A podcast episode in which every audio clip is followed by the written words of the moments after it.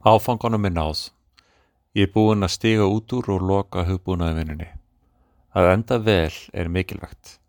Núna er nýtt tímabil framöndan. Þetta sannarlega eru umskipti og meira en var planað.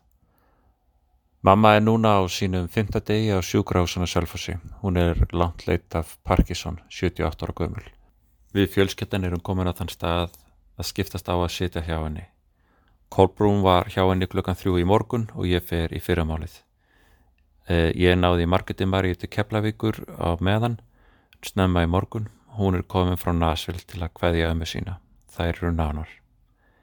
Bæn mín núna er að við fjölskyldan göngum þessa götu vel og stöndum saman. Það lítur vel út með það. Mamma gæti komið tilbaka en því miður bendir fátt til þess núna. Hjarta mannsins uppvöksar veg hans en drottin stýrir gangi hans, orskveitni 16.9. Ég myndist á plöun hér ofar.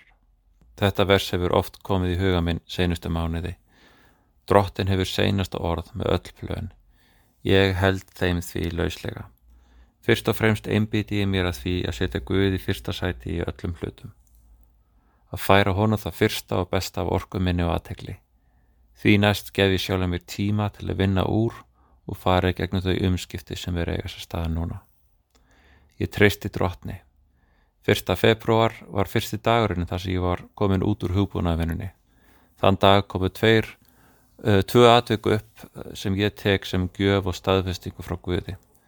Fyrst var fjárstörningur frá fyrrum samstagsfélagi hugbúnaðvinnunni, hitt var símtal frá Jóhunur Norfjörns leiðir kvítasinu kirkuna á Akureyri.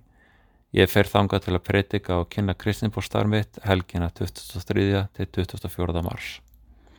Ég er afar spenntur yfir því sem er framöndan. Ég veit að drottin mun nota það sem hann hefur og er að byggja upp í mér, sér til dýrðar og heiðurs. Kær hvaðja.